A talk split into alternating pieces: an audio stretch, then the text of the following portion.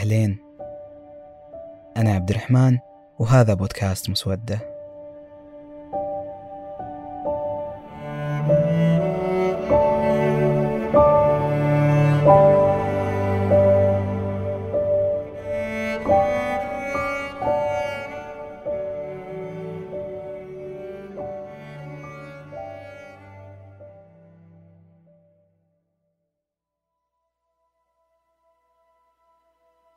أكره الناس الكذابة اللي تفسر نواياك. بأشياء مو زينة الأشخاص اللي يفرضون رأيهم كأنهم هم دائما على حق ولا يتقبلون آراء الطرف الآخر وحتى ما يستمعون لها أنا جدا أعاني من هذه النوعية من الناس وكثير أقابلها بحياتي الناس اللي فيهم سوء ظن هذولا كره عظيم أكره بعد مين؟ بس خلاص هذول لو ما هم موجودين ارتحت.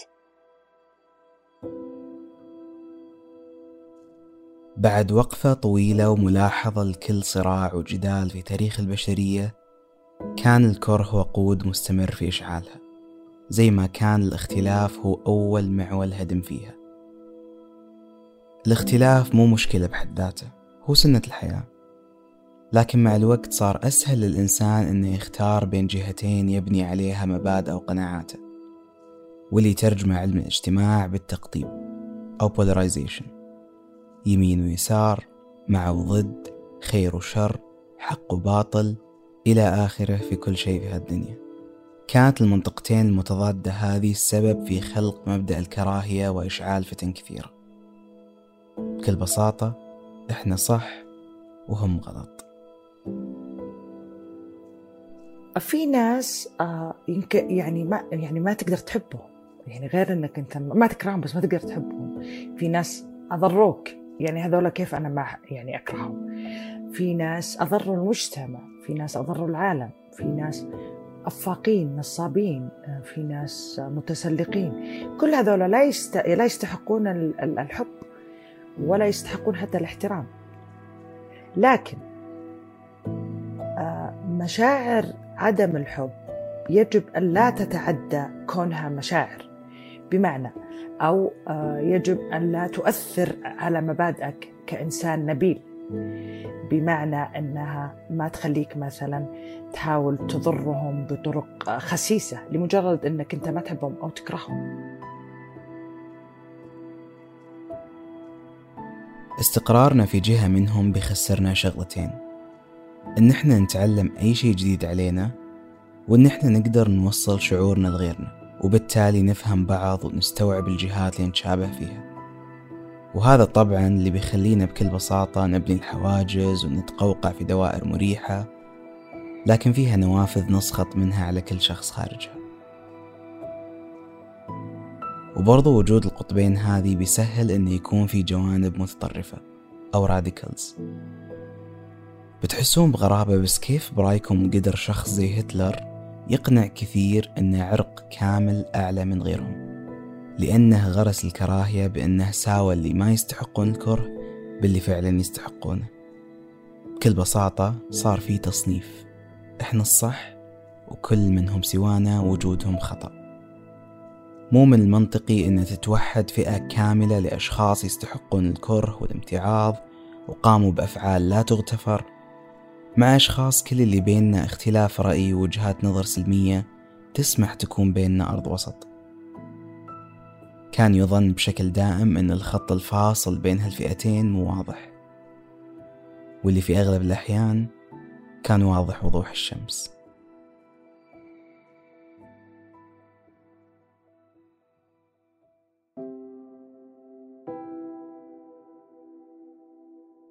الشعور اللي يخليك تحس برغبة إبداء رأيك في قضية ترند أو عامة هو إنك بدون وعي تعرف إنك في جهة بعيدة إن كانت حق أو لا لكنك تبحث عن انتماء إلى رأي رأي يحب شيء ويكره أشياء. في اقتباس مقال قريتها يقول أصبح التغذي على مثل هذه الصور التي تبث كنتائج فعل تدميري ضخم أمرا شبه يومي وعادي. بل أصبح للتلويح بالاقتصاص من الآخر بنفس النبرة التدميرية مبرراته المستساغة لدى الكثير من الأفراد. وينتشي الفرد منهم أشد نشوة وهو يهدد بمثل هذه الأفعال حتى يكاد وجوده الافتراضي وقوته يتغذى على مثل هذه النبرة التدميرية المروعة. كل هذا الكلام مو عشان نطيح بفخ التصنيف. كل هذا الكلام عشان نستوعب أثر الكره على أنفسنا على مشاعرنا وعلى أثره التراكمي في تصرفاتنا وعلاقاتنا وحتى وعينا بذاتنا. عشان نفهم الكره لازم نفهم أسبابه ونفسية الإنسان تجاهه. علم النفس يقول لنا أن الكره ممكن يكون بكل بساطة سوء فهم أو أنه يكون إبداء شعورنا تجاه الجماعة أسهل من الفرد. يعني سهل نقول أكره الأشخاص اللي زي كذا بس صعب أقول أكره فلان. الكره اللي نحمله بسبب بلا شك وسيلة جديدة لدماغنا لترصد أخطاء وعيوب اللي حولنا أو اللي بنتعرف عليهم في حياتنا. بسرعة بنقيم ونصنف ونحطهم في صندوقهم المناسب في رفوف الكره. واللي بيولده تعاظم الكره بيكون مشاكل تعقد حياة الإنسان. بالذات لو كانت مسألة متعلقة بطفولته يكبر ويكبر معه كرهه لبعض الأشخاص اللي كانوا السبب في تحويله إلى شخصية يقدر الحقد يتشعب داخلها. بالذات لو كانت آه، خصومة أو كره شخصي يعني ما هو إنسان مؤثر. يعني تبغى مثلا تبين حقيقته للبشر تبغى ما لا. يعني شخص في في محيطك الأسري أو في محيط العمل يعني. ما في خلاص ما أحبه انتهينا يعني. التعامل معاهم جدا جدا جدا متعب وصعب وتجنبهم يمكن أسلم قرار. إلا إذا كانوا أشخاص مقربين لي راح أحاول إني أخبرهم إنه ممكن هالأسلوب. راح يخلي الناس ممكن تنفر منهم أو ما حد راح يحب مجالستهم. عادة يكونون أشخاص ما اكتشفوا ذواتهم أو محتاجين شخص يدلهم على أنهم يكتشفون ذاتهم.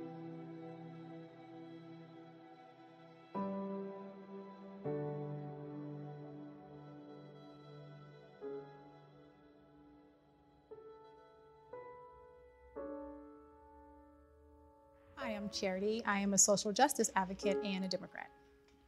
My name is Michael. في برنامج على اليوتيوب اسمه Middle Ground أو أرض وسط يسوون تجربة اجتماعية يجمعون أشخاص يؤمنون بمعتقدات متضادة ويسألونهم أسئلة ويتناقشون في كثير من الأحيان يستوعبون أن في أرض وسط في مساحة إنسانية تسمو فوق كل معتقد أو رأي يمكن الموضوع يتعدى لفظ كلمة كره واللي يمكن نقصد فيه انزعاج امتعاض إشمئزاز. لكن الكره الشعور اللي يخليك تشوف شيء أو شخص من منظور أنه السبب في كل شيء سيء في هذا العالم. وتبدأ تشيطنه وتجيش ضده. هذا الشعور اللي بيكون الإسمنت اللي يقوي الحواجز بين البشر.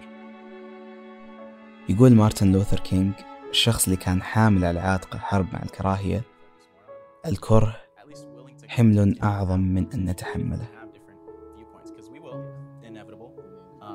least come and, and talk about them and recognize that while we do have different solutions, we have the same issues. I'm actually going to give you a hug. Good meeting you. Good talking, guys. You know, as much conflict as there was, I think that was still really valuable. It feels really real to what's happening right now in our Yeah. country, especially with the country getting more and more divided. Us trying to bring people together.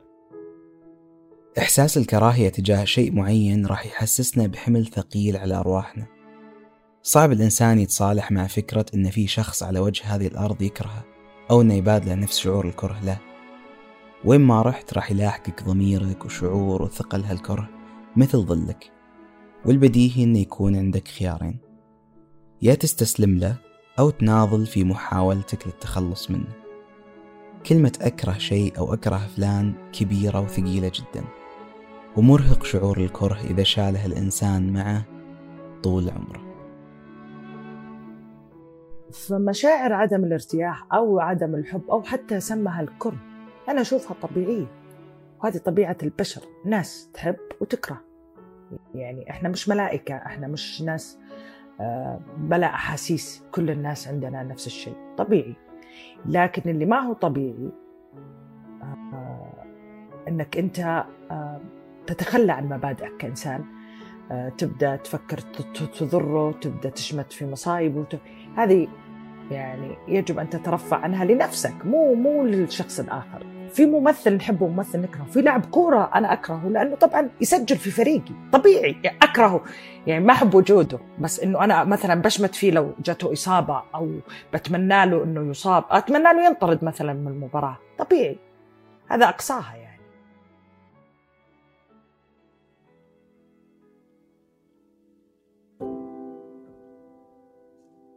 أخيرا.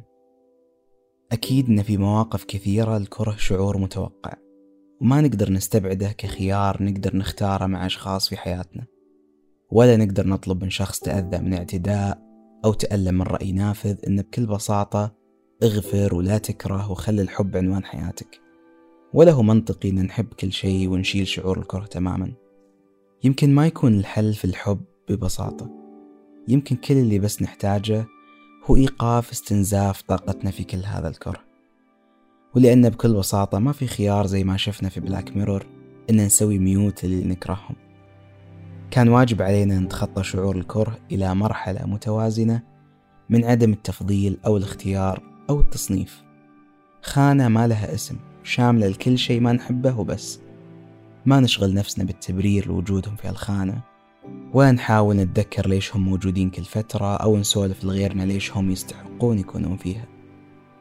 الكره موجود لسبب عشان نوقف في وجه الأذى والمؤذين وعشان نرفع راية الاعتراض على الشر. لكن هل حمل هالراية لكل شيء والمدة طويلة بيكون قرار حكيم؟ المتوقع أنه بيسبب لنا ألم وتنمل شديد بعد فترة. والأكيد أني ما أبغى أكون شخص يكره بس. أبغى يكون هالشعور معنى وغاية تستاهل رفع الراية فوق كتفي. ويكون هالانزعاج والألم على الأقل يستاهل.